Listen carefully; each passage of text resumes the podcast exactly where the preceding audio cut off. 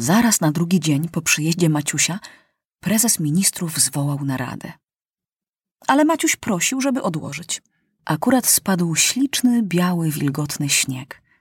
W Parku Królewskim zebrało się ze dwudziestu chłopaków. Był między nimi i Felek i Stasia. Bawili się tak dobrze, że Maciusiowi aż się serce rwało do zabawy. Panie prezesie ministrów, powiedział Maciuś, ja wczoraj dopiero wróciłem z ciężkiej i niebezpiecznej podróży. Załatwiłem wszystko dobrze, więc chociaż jestem królem, czy nie mogę choć jeden dzień trochę odpocząć? Przecież jestem małym chłopcem i lubię się bawić. Jeżeli nie ma nic bardzo ważnego i można jeden dzień zaczekać, to wolę, żeby jutro była narada. A dziś będę się cały dzień bawił z chłopcami. Taki ładny śnieg. Pewnie już ostatni w tym roku. Prezesowi ministrów żal się zrobiło Maciusia. Bo chociaż Maciuś nie prosił go o pozwolenie, tylko pytał się, czy można, ale tak wyszło, że Maciuś bardzo go prosi o pozwolenie na tę zabawę. Ach, jeden dzień można zaczekać, powiedział premier.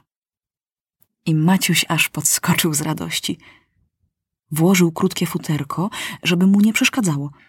I po chwili już lepił kule śniegowe i rzucał się z chłopakami.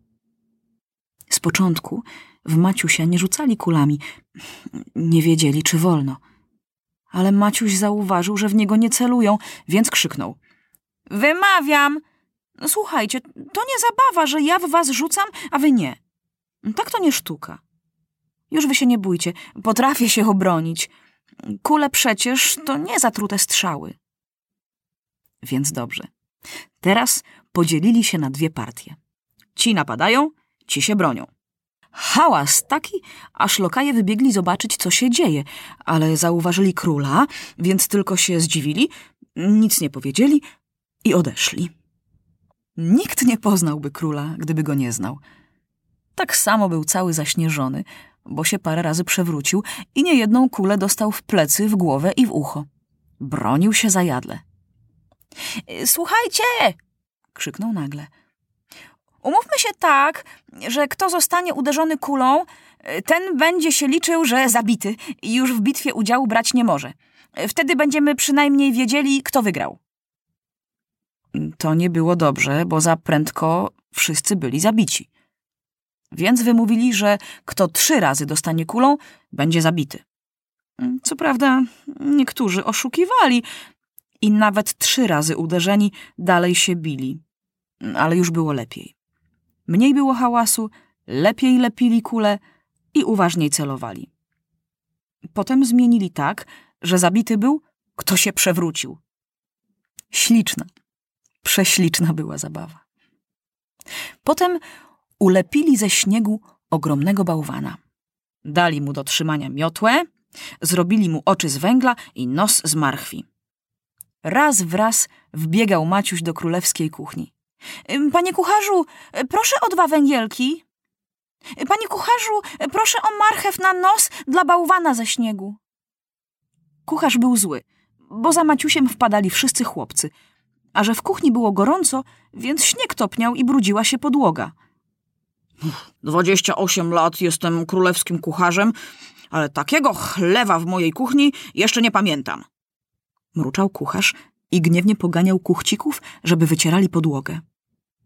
Hm, szkoda, że w kraju Bumdruma nie ma śniegu, pomyślał Maciuś. Nauczyłbym dzieci murzyńskie lepić bałwany. Kiedy już bałwan był gotów, Felek zaproponował jazdę sankami. Były cztery małe saneczki dla dzieci królewskich i cztery kuce. Zaprzężono kuce. Sami będziemy powozili, powiedział Maciuś do stajennych. Będziemy się ścigać naokoło parku, kto pierwszy pięć razy objedzie cały park. Dobrze, zgodzili się chłopcy. I już Maciuś siadał do sanek, gdy nagle zobaczył prezesa ministrów, który szedł szybko w ich stronę. Pewnie po mnie, posmutniał i westchnął Maciuś. I tak było naprawdę. Y, przepraszam, stokrotnie przepraszam waszą królewską mość. Jest mi niezmiernie przykro, że muszę przerwać zabawę waszej królewskiej mości. No trudno. Bawcie się beze mnie, powiedział Maciuś do chłopców. Więc co się takiego stało? Przyjechał nasz najważniejszy szpieg zagraniczny, szeptem powiedział minister. Ten szpieg przywiózł takie nowiny, których nie mógł pisać, bo się bał, że jego list może wpaść w czyjeś ręce. Musimy się zaraz naradzić, bo on za trzy godziny jedzie za granicę. Akurat pierwsze sanki przewróciły się, bo kuc dawno już nie był zaprzęgany i zły taki, zamiast naprzód, w bok skoczył. Ze smutkiem spojrzał Maciuś, jak chłopcy śmiejąc się podnosili się ze śniegu i ustawiać zaczęli sanki. Ale co robić? Poszedł. Ciekaw był Maciuś zobaczyć prawdziwego szpiega, bo do tej pory tylko słyszał o nich. Maciuś myślał, że wprowadzą jakiegoś chłopaka bosego albo dziada z workiem na plecach.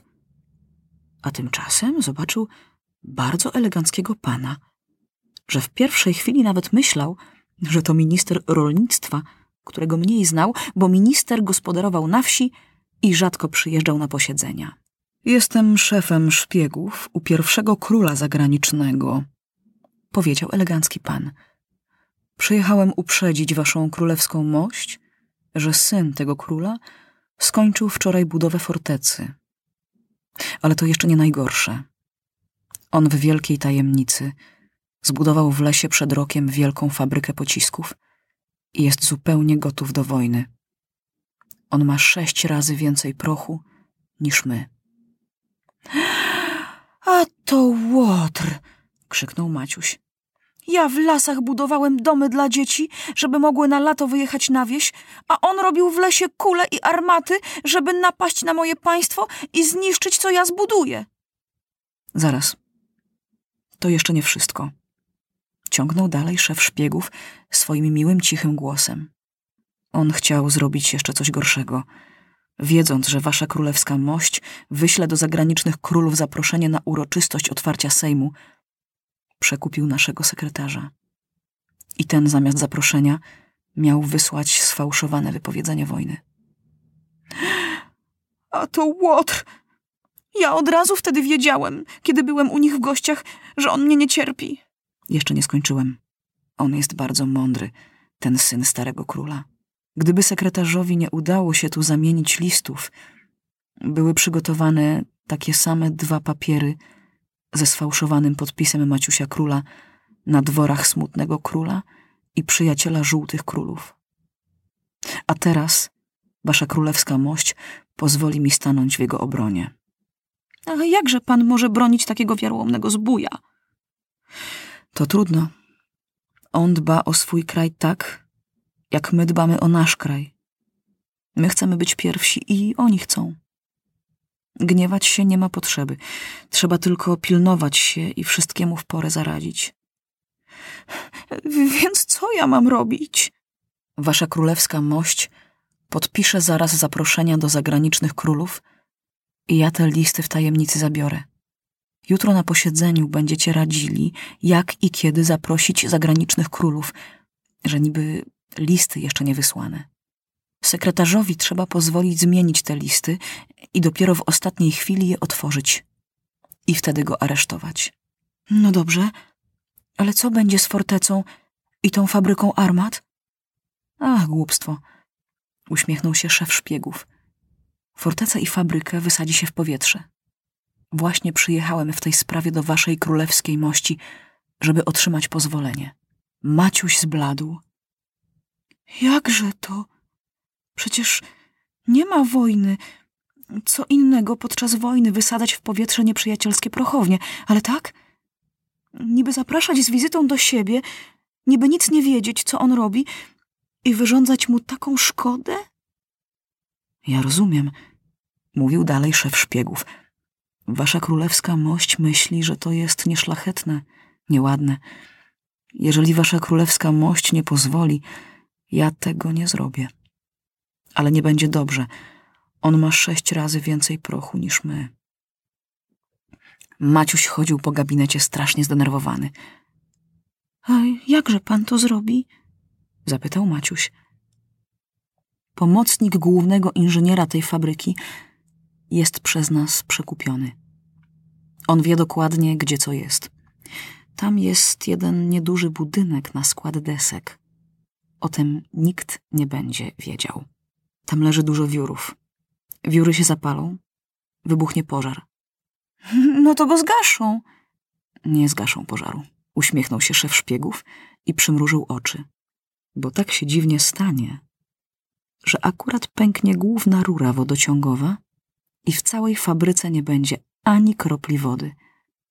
Wasza królewska mość będzie spokojny. A robotnicy czy zginą? Zapytał znów Maciuś.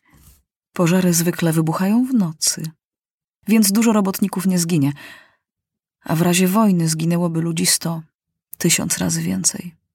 Wiem, wiem, powiedział Maciuś. Wasza królewska mości, musimy tak zrobić, wtrącił nieśmiało prezes ministrów. Ja wiem, że musimy, z gniewem powiedział Maciuś. Więc po co mnie pytacie, czy pozwalam? Nam nie wolno inaczej. Musimy, nie wolno, więc proszę fabrykę spalić, ale fortecę tymczasem nie ruszać. Maciuś szybko podpisał zaproszenia na otwarcie parlamentu do trzech zagranicznych królów i poszedł do swojego pokoju. Usiadł Maciuś przy oknie i patrzał, jak Stasio i Felek i wszyscy chłopcy wesoło wozili się sankami. Oparł ciężko głowę na rękach i pomyślał. Hmm, teraz rozumiem, dlaczego smutny król tak smutnie gra na skrzypcach. I rozumiem, dlaczego on wtedy nie chciał, a musiał ze mną prowadzić wojnę.